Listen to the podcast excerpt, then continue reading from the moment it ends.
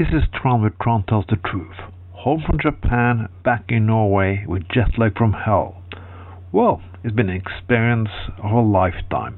But now I'm gonna talk about something else. I've been dying to talk for this for a, for a couple of weeks now.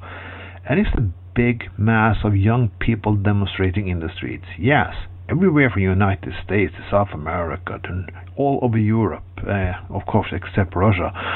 But their people are demonstrating for better environmental politics. Well, you should thought about that uh, a little because the Senate voted down a new Green Deal today. This when this clip was made.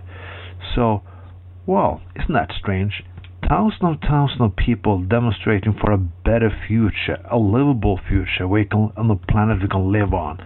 The mass media and the media generally is not there. But somebody dies in the terror attack, just two people get shot down, and we got a fucking frenzy. We need to invade another country and bomb something to hell. Yes, that is how politics is today. And people said, why don't young people engage more in politics? Yes, this is why. Because politicians are not the future, not the adult ones. Because we have now a situation is very strange.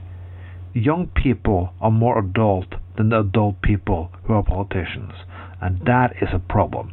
Yeah, okay, not every 15, 16 years old have every solution there is, but when people are frustrated and angry and use peaceful demonstration, because that's what it is, this demonstration have been peaceful and good, organized, and young people have been polite, and they've been mocked and talking shit about in the mainstream and media generally. And that is a fucking shame.